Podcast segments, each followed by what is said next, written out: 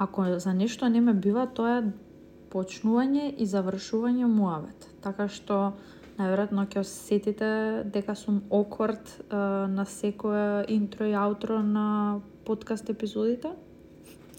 Не се сакав да ви кажам добро дојдовте во втората сезона на мојот подкаст каде што си правам муабет со луѓе на различни теми.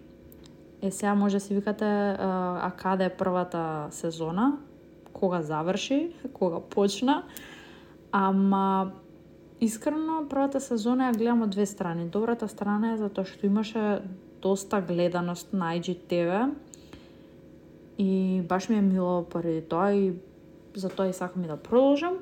Но друга страна, а, неуспешно заврши затоа што стана необјавени подкаст епизоди и баш ми е жал и се извинувам на сите што не ги објавив. Но некако неславно заврши затоа што тогаш фатив корона, изгубив а, волја, мотивација, сила за било што.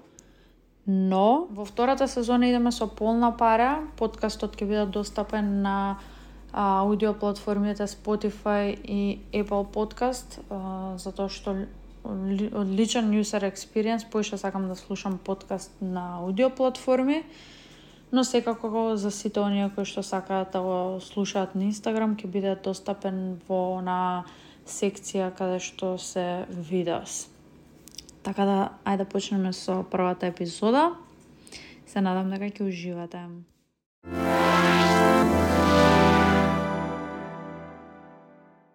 мојот соговорник денеска, премиерно во втората сезона на мојот подкаст е Теодора, која е дел од Период. Тоа е The Menstrual Movement во Скопје. И денеска ќе зборуваме на една многу интересна тема. Верувам дека голем дел од луѓето може би имаат слушното, но тргнам од себе. А, барем дел од работите што ги прочитав, а, за прв пат се сретнав со нив И така, ќе ми биде драго доколку луѓето го слушнат тоа што овој проект го обработува.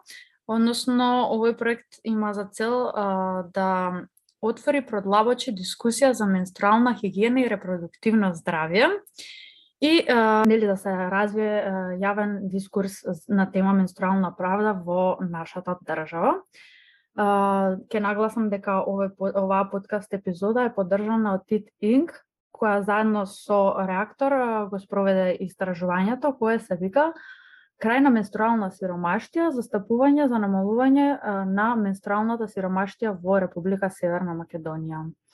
Овој проект е поддржан од Свика Мобилитас и Фрида Фондот за млади феминистки се надам дека на слушателите ова им звучи интересно и дека ќе ќе сакаат да слушнат повеќе за оваа тема. Но би сакала прво да ми се представиш. Знам дека периодов сте фокусирани на оваа кампања на истражувањето, па како се чувствуваш после цел тој нели период на подготовки? Супер, фала ти за преубавата и преубавиот повет и интро. Мислам дека се чувствувам пред многу возбудена, затоа што ова е проект кој трае од минатата година и дури сега ќе почнеме да ги споделуваме сите овие информации јавно со луѓето. И како што ти кажам, не е честа тема која споруваме, особено во јавниот простор, па затоа мислам дека уште повеќе сум а, нетрпелива да ги видам реакциите на луѓето, а па понатаму нели како се ќе се одвија во делот на а може би креирање нови политики кои се кое, кое сега администрацијата а, како биолошки и социјален процес. Јас ја кажав темата нели менструална правда, Па би сакала да почнеме некако со воведот, што е менструална правда, што е менструална сиромаштија, некако да ги воведеме луѓе во а, проектот и што, за што е истражувањето.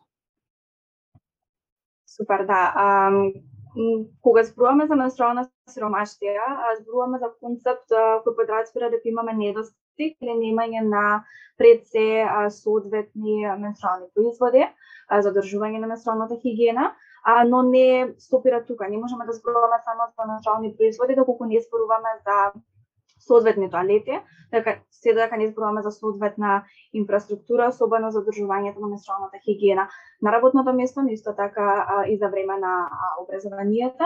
Понатаму кога зборуваме за менструална сиромаштија, зборуваме за недостаток на информација, едукација а, на младите и преца на луѓето за се што е поврзано со менструацијата и на крај менструалната сиромаштија исто така значи и немање на соодветни политики а, од аспект на неодночување неодначување на менструалните производи, а, но исто така и други видови на политики кои како тек сега почнуваат да се воведуваат во а, полето на менструалната правда. Кога зборуваме за менструалната правда како концепт, ја дефинираме преку универзалните човекови права, односно правото на здравје, правото на образование, работа, недискриминација и родова еднаквост. И знам дека ова на почеток звучи многу комплексно и многу сложено и за некој луѓе можеби нака премногу работи се спомнуваат од денешен наплев на нова информација, ама менструалната да сиромаштија е многу важна, затоа што не влија само на лицето кое а, ја доживува и кое се справува со неа, туку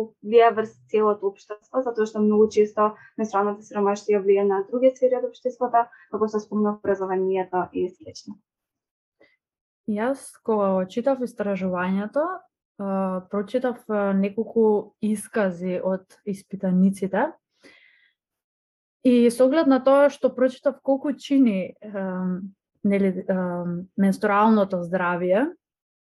Еве нели ќе ни раскажеш ти подетално колку чини менструалното здравје.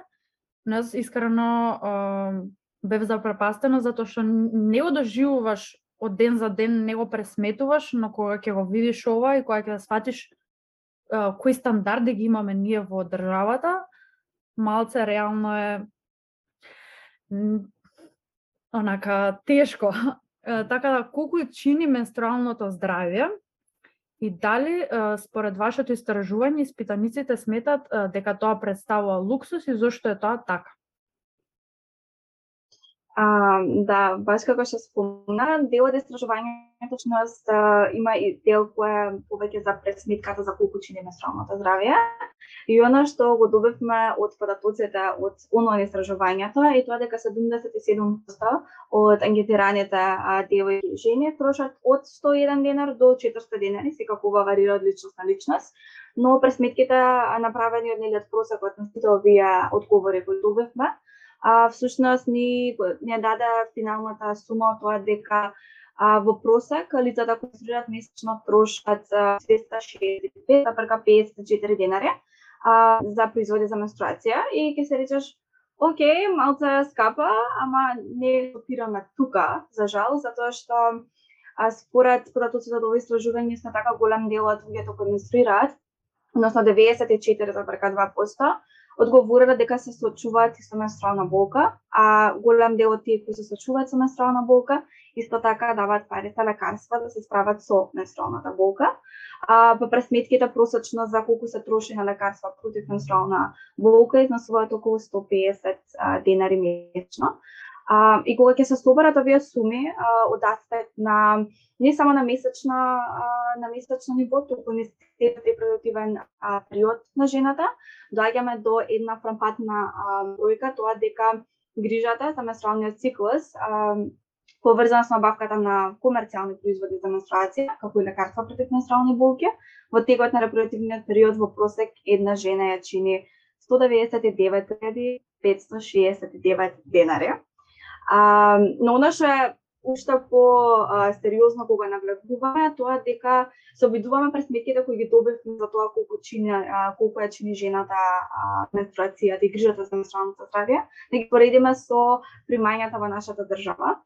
Па пресметката која се базира за просекот за нето плата повработен, со земен предвид родовиот јас по плати кои постои кај нас, а во, во октомври 2018 година бил 16,3%, што значи да дека мажите заработуваат барем за 16,3% повеќе од жените, дојдовме до бројки кои велат дека една жена од тига својот живот троши 8 месечни плати кои се поврзани а, со менструалните производи и лекарства за менструална болка. А, и се, како што кажав, ова е поврзано со просечната плата, а не со минималната плата. И кога зборуваме за минимална плата, ова, ова работа за да си ги дозволиш овие менструални производи, се зголемува и е и, и трае повеќе од една година, односно една година и 1,7 месеци, што е доста долг период. Ух.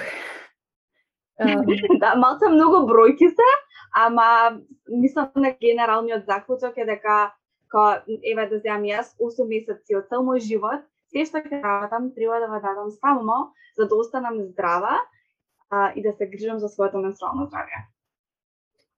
Не, ние, мислам, јас размислам секогаш кога имаме проблем, нели дека треба да најдеме решение.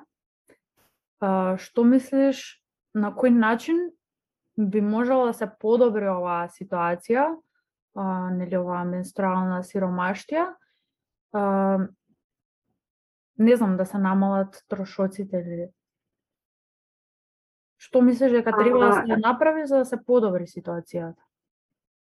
Имаме доста работа која ни предследи во доста различни полења како дел од самата студија, всушност има и низина препораки.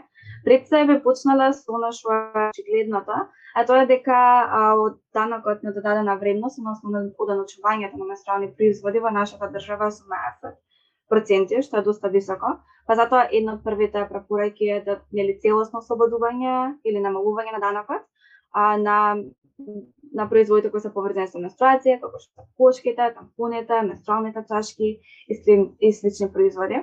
Понатаму е важно да зборуваме за достапни производи за менструација во основните и средните училишта.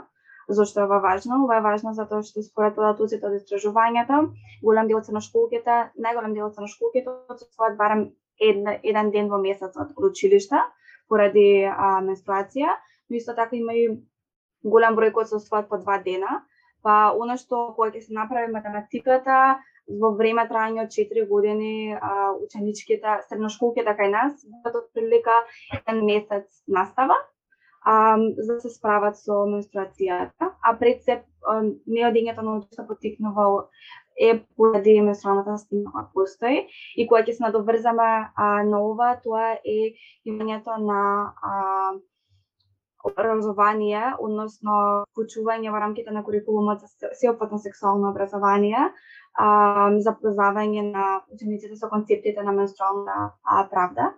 И може би исто така што што е важно да се направи е да се поработи со стручните служби во училиштата, односно едукација на на стручните служби во воспитно образовниот кадар на училиштата за тие да го препознаат влијанието на менструалната стигма а, која влија врз психо, психичкото и физичкото здравје а, и образовни резултати а, кај веќињата И може би повеќе треба да работиме на, не, на некој начин да се избориме против таб, табуто која представува менструацијата, преку едукативни кампањи, јавни табати за менструална правда со цел или повеќе да зборуваме на оваа тема и да не биде нешто што не знаеме што се случува. И една последна препорака која исто така ја содржи студијата е тоа дека а, треба да се направи акцијски план во склоп на Националната стратегија за родова еднаквост 2021-2026 година а, за да се справиме со менструалното сиромаштво и менструалната. Сега кога спомна образование, се навратив на деновите во основно. И нели дека тој период обично се случува првата менструација. И мислам, тогаш ни беше толку е, страф од, не страф од тоа, туку, мислам, да, страф од непознатото. Затоа што никој не те подготвува за такво нешто. Сега, не сум сигурна дали сега се уште е така, но тогаш јас кога бев основно, а, онака првата менструација поврзувам со чувство на страф и срам, како ги кажам на мајка ми или што треба сега да правам. И исто така, а, тука се сочувствував кога читав а, истражувањето, дека не само јас, туку дека многу голем дел од девојчињата се чувствуваат така. И онака се викам, значи, колку е потребна едукација и да се зборува ова, особено кога си во таа фаза нели на раст и развој и стварно мислам дека треба девојчињата да бидат подготвени уште од основно образование. А, дали сега има не... дали сега се мислам сега се одржува некоја едукација или се уште не постои ништо такво? Во тој да, период, значи, во основно образование. А, генерално, дел од истражувањето бе со стеношколки, па добивме повеќе податоци во нас дали во средни училишта се доста такви а, предавања. А малку разцурувачки фактот што повеќе ученички или 64% одговорила дека во нивното училиште не биле организирани разговори или предавања за менструација и за достапните услови или за на менструалната хигиена а, не, една четвртина кажава дека имале предавање на вајма од лекари, лекари или од граѓански организации, само 9% што е стварно поразително.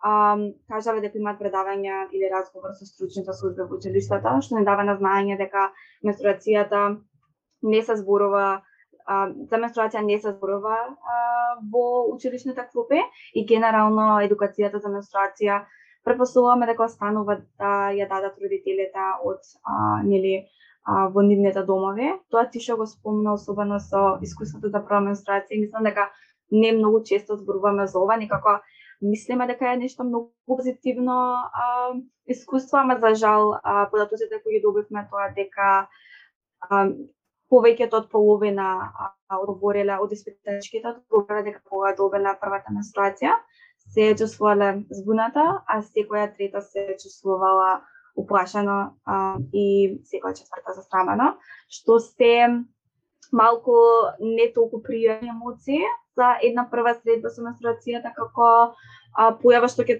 биде барам уште 30 години во твојот живот и некако не остава впечаток за како ќе се движат работите. Не знам, многу е чудно што си оставен а, на некој да ти го каже тоа, односно да ти го пренесе од збор на збор, а во едно плюс додатно се плашиш и срам ти е да го прашаш што или да го кажеш. И мислам дека а, дефинитивно уште во основно училиште а, треба да има едукација за не знам некако да се чувствуваат посигурно тоа кој ќе им се случи.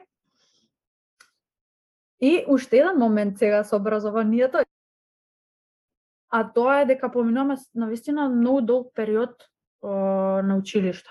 Јас тргам дека и во средно поминав цел ден, и на факултет исто така. Но едно што највеќе онака како треба да, да го опишам као според жар на филм, ќе го опишам со хорор, а тоа е вецињата, односно јавната инфраструктура, тоалетите во кои треба нели ние да одиме додека сме на таа целодневна настава на училиште, се катастрофа. И онака кога го читав истражувањето имаше посебна онака јавна стру... инфраструктура и политики за менструална хигиена. Не знам, според праксите од, од други земји кои се понапред на ова поле, што треба да се превземе за да се дигне менструалната а, хигиена на повисоко ниво? И дали треба, не знам, да се воведат инспекции во во не знам, не само не, не е ова само уствари во училиштата, ова е во секој во секој јавен тоалет. Што треба да се случи да се воведат инспекции, па да се казнуваат Тотал... или Тотално се согласувам. Еве чисто како она што го добивме истражувањето е дека а, голем дел од односно над на 50, околу 78% од страношколките говореле дека не секогаш имаат сапун и тоалетна хартија во тоалетите во училиштата и што станува после тоа. Никогаш нема.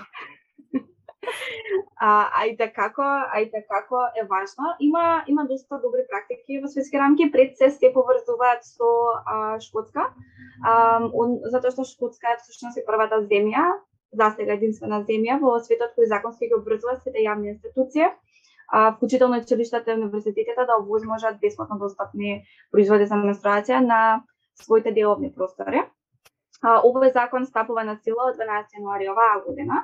А, а оно што е уште поважно е што пред да биде донесен овој закон, голем дел од практиките за а, нели, а, имање менструални производи а, на училиште на факултет доаѓаат од активистки а, и со нивни самостојни акции.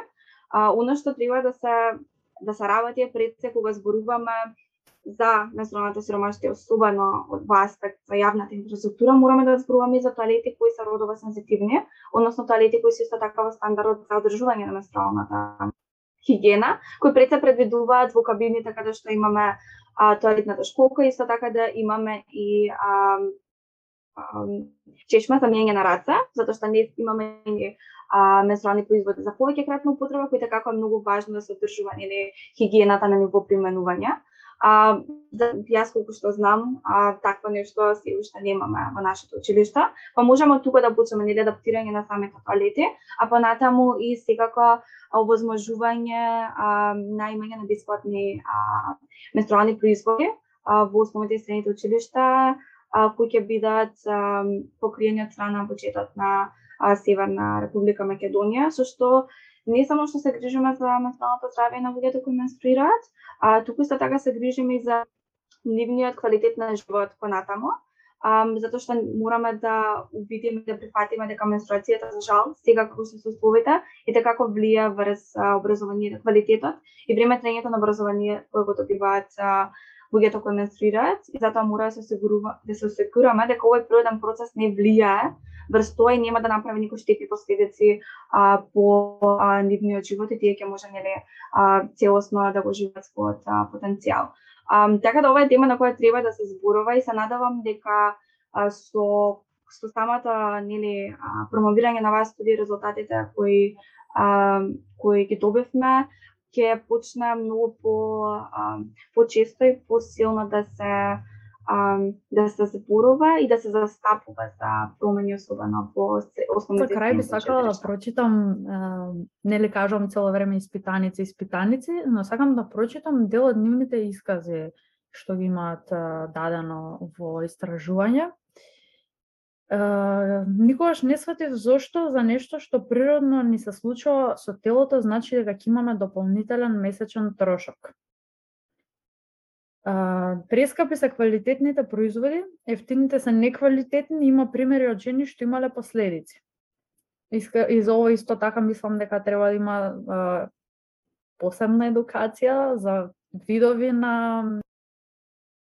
производи кои се употребуваат при менструација, затоа што јас на пример имав кампања а, која беше Имаше реакција од, од зашто промовираш нешто што може да произведе да да предизвика токсичен шок. И тоа беше добар момент за тоа што и покрај тоа што јас се освестив за тој момент, можев да го пренесам тоа и на другите и другите да го прочитаат и да го видат и да бидат свесни дека кога користиме нешто треба да знаеме како го користиме и треба да ги знаеме неговите сайт ефекти. Потоа ќе ги дочитам се останатите. Се израдов на новата информација за бесплатни производи за менструална хигиена за сите жени во Шкотска. И сакам да се избориме за истото во Македонија. И јас сакам. Јас би сакала да бидам запознаена со квалитетот на вложките, тампоните и слично. Голем дел од нив се декларирани како сензитив, во составот се 20% синтетички материјал. Влошките, тампоните и слично се направени од не, неодржливи материјали. Лично сум алергична на тампон и за малку ќе умрев од него. Еве го тоа што јас го кажав и мислам дека треба да ти се случи за да го дознаеш, место предходно да бидеш едуциран и да го спречиш тоа. Uh, толку имам ствари издвоено. Мислам дека уште имам, но тие се исказите што имам издвоено, но верувате дека имаше уште голем дел И затоа сакам Теодора а, а, да ја оставам да ви каже каде, а, каде може да прочитате, повеќе да се едуцирате, да дознаете за истражувањето, да ви сподели некои извори за едукација, така да повели Теодора. И мислам дека не опфативме дефинитивно се во оваа подкаст епизода, но со ова што ќе им го предложиш, се надам дека маца ќе раскопаат на интернетот и ќе се едуцираат така ќе ми биде да мило да споделам, а пред да ти одговорам на прашањето дека ги читаш стварите ме пуцате за тоа дека а, дури 98% од испитаничките би поддржале целосно а, ослободување од ДДВ или намалување на даночната стапка од 18 барем на 5 а, посто и е важно да се доцираме за менструалната правда. Тука спаѓање или менструалното сромаштење, исто така спаѓа и тоа што го спомнам, односно квалитетот на менструалните производи што е соодветно за нашето тело. За жал тоа не е никаде опфатано и многу често а, луѓето кои менструираат се препуштени сами на себе да истражуваат а, онлайн.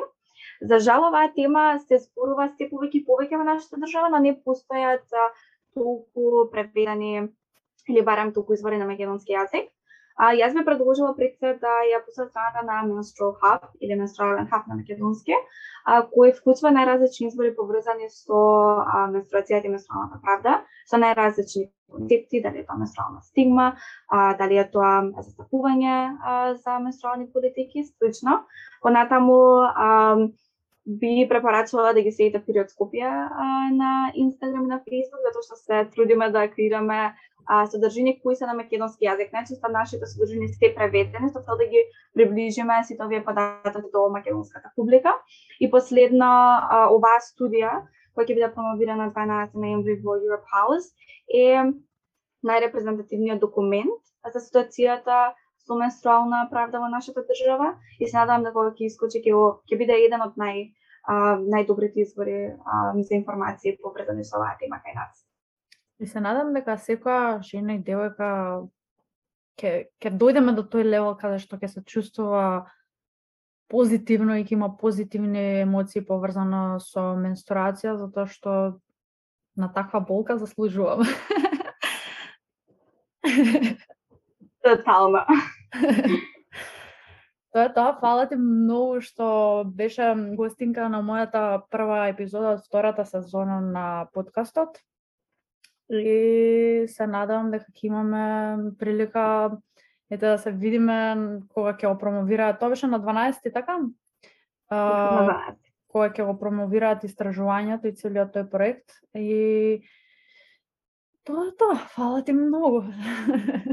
Фала ти на тебе за поканата и за оваа дадена можност да барем да покренеме малта свеста а кај луѓето кои ќе слушаат оваа епизода повезана со менструално сиромаштво се надаваме на следна прилика и нели со апдейтирани моменти со подобрување на ситуацијата. Фала ти многу.